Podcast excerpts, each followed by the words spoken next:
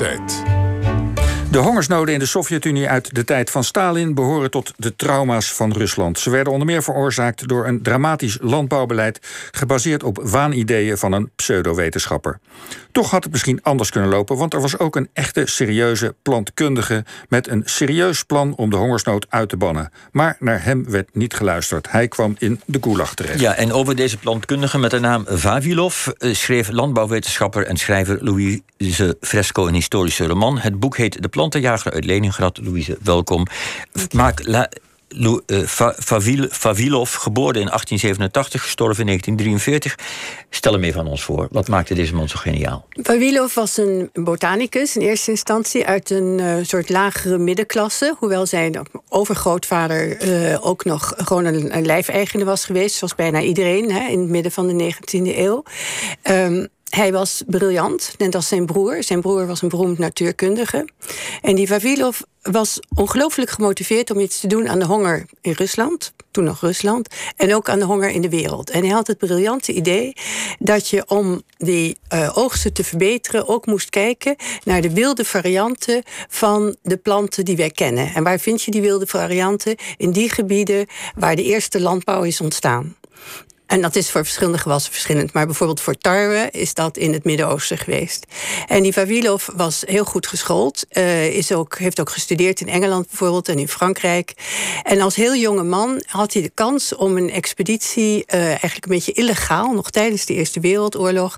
Uh, uit te voeren naar wat de Pamirs heet. Dat is een gebergte ergens zeg maar tussen Afghanistan, Iran en dergelijke. En daar kwamen ook nog allerlei vreemde onbekende eh, gersten en tarwes enzovoort voort.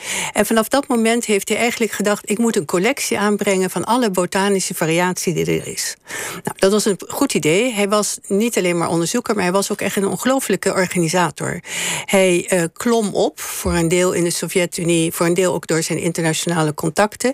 Hij schreef heel veel brieven en probeerde eigenlijk de ideeën van Darwin en Mendel over de moderne genetica in de Sovjet-Unie toen de Sovjet-Unie, vanaf uh, na de revolutie, te introduceren.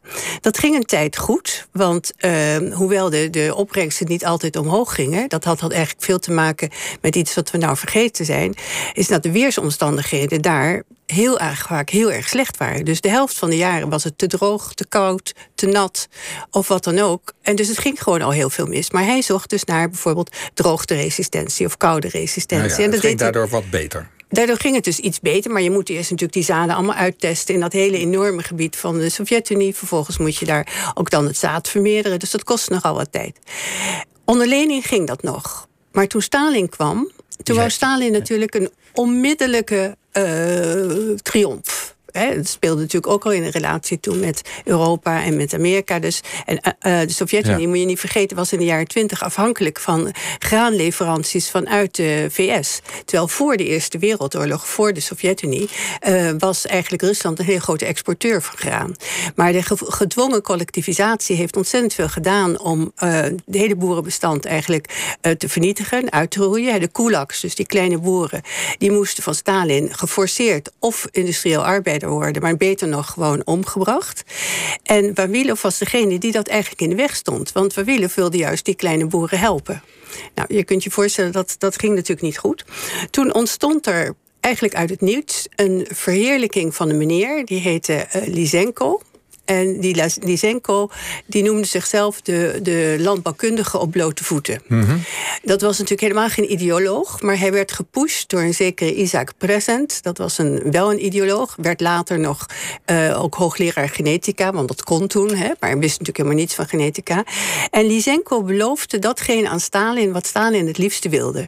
Onmiddellijk resultaat. En als het niet lukte, begon hij wel weer met een nieuw resultaat. Maar de filosofie erachter was mm enorm. Maar was hij ook plantkundige? Of? Nee, nee, hij was, nou ja, hij had een soort, wat we nu zouden zeggen, middelbare landbouwschool. Misschien. Hij had wel iets. Het was niet een, uh, Willem Engel als viroloog. Maar, nou, het ging niet heel ver, want van genetica wist hij in ieder geval heel weinig. Ja, maar hij bood eigenlijk als ware Stalin het, het, de, droom aan eh, de landbouw is maakbaar. Ik kan er, zoals het hele idee van maakbaarheid, dus ook de maakbaarheid van een landbouw, bood hij aan Stalin aan en dacht: hier hebben we iemand die het kan en dan kan een goede sier mee maken. Ja, en het was ook gebaseerd op het idee van uh, net zo goed als je mensen aan stress blootstelt, dan moet er naar een generatie ook een nieuwe Homo sovieticus op, opstaan.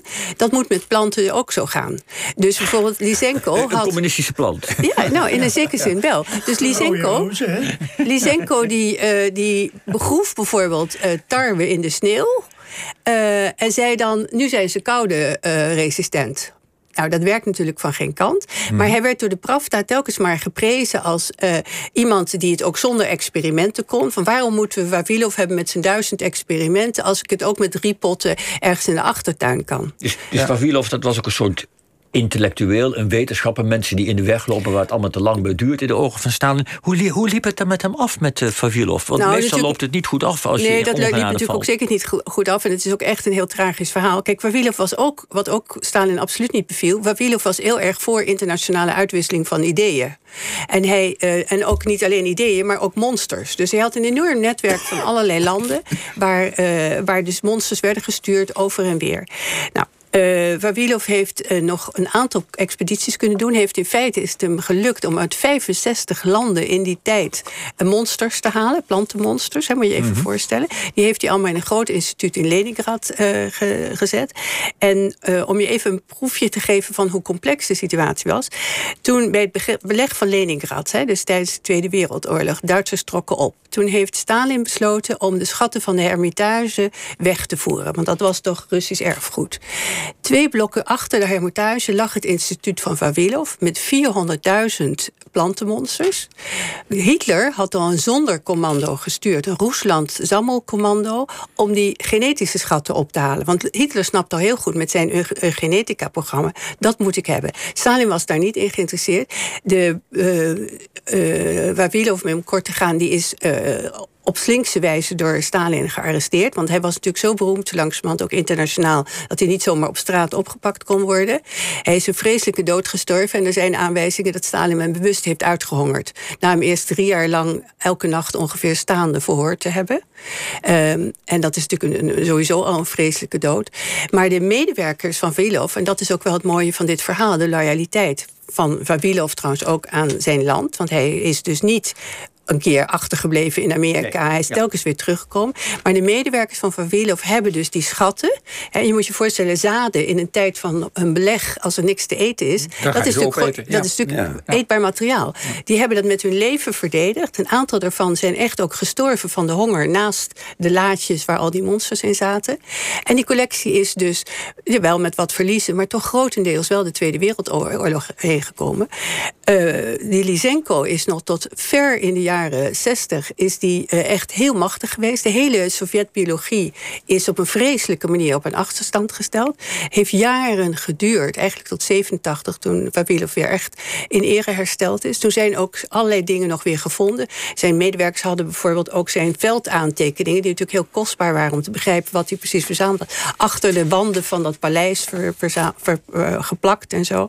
En uiteindelijk heeft hij wel eer herstel gekregen. Maar het heeft heel lang geduurd. Als, je, als je nu naar de situatie van toen kijkt, Vavilov een, een tragisch voorbeeld van uh, hoe politiek een wetenschapper vermorselt. Schuilt er in deze geschiedenis ook een waarschuwing voor politici en wetenschappers nu, hoe, hoe, wij met de, hoe onze politiek met de wetenschap omgaat. Zit er iets van een waarschuwing in of, of helemaal nou, niet? Ja, kijk, we kunnen natuurlijk niet, niet de Sovjet-Unie in die tijd, hè, de meest afschuwelijke tijd, vergelijken. Maar de, de, de de verwachting dat de wetenschap onmiddellijk met toepasbare resultaten komt. En dat je er als het ware een, een dollar instopt of een roebel instopt of een, of een euro instopt. En er komt gelijk iets nuttigs uit. Dat is een heel gevaarlijke uh, uh, verwachting. En dat zie je dus nu ook mhm. weer met allerlei stimuleringsfondsen. En dus mijn grote pleidooi impliciet is ook wel: geef de wetenschap de ruimte. Geef de vrije gedachte de ruimte.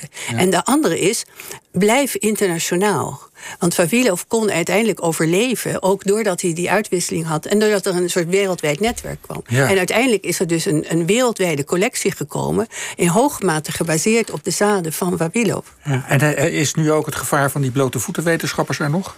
Nou, dat bestaat, ja, dat bestaat wel degelijk. Want zeker over een onderwerp als voedsel en landbouw heeft ongeveer iedere Nederlander een mening. En een sterke mening ook. En dat geldt eigenlijk voor de hele wereld. En ook daar kan je alleen maar zeggen, als de ideologie gaat overheersen, dan verliest de wetenschap en het enige wat de wetenschap kan doen, dat is niet de waarheid in pacht hebben, maar wel zorgen dat je een systeem van intersubjectieve toetsing hebt. Dus dat je altijd samen kunt kijken wat klopt en wat klopt niet. En langzaam maar zeker bouw je daar wel een beeld van de waarheid over op. En ook hier het belang van collecties. Ja, absoluut. Hè, dat vind ik mooi. eh, de uitzending overzien. Het is toch wel een surrealistische aflevering, zeg. Vanuit de DDR, eh, twee generaties vergeten, dit verhaal. Ja. Ja, wetenschap, pseudowetenschap, snel succes van Stalin en Honecker. Het komt allemaal bij elkaar. Ja. Te veel beloftes, Eh, hè? ja. Dat is, Louise Fresco, eh, hartelijk dank. Eh, je boek heet De Plantenjager uit Leningrad. En het is uitgekomen bij eh Prometheus. Eh, wij gaan nu even plaatsmaken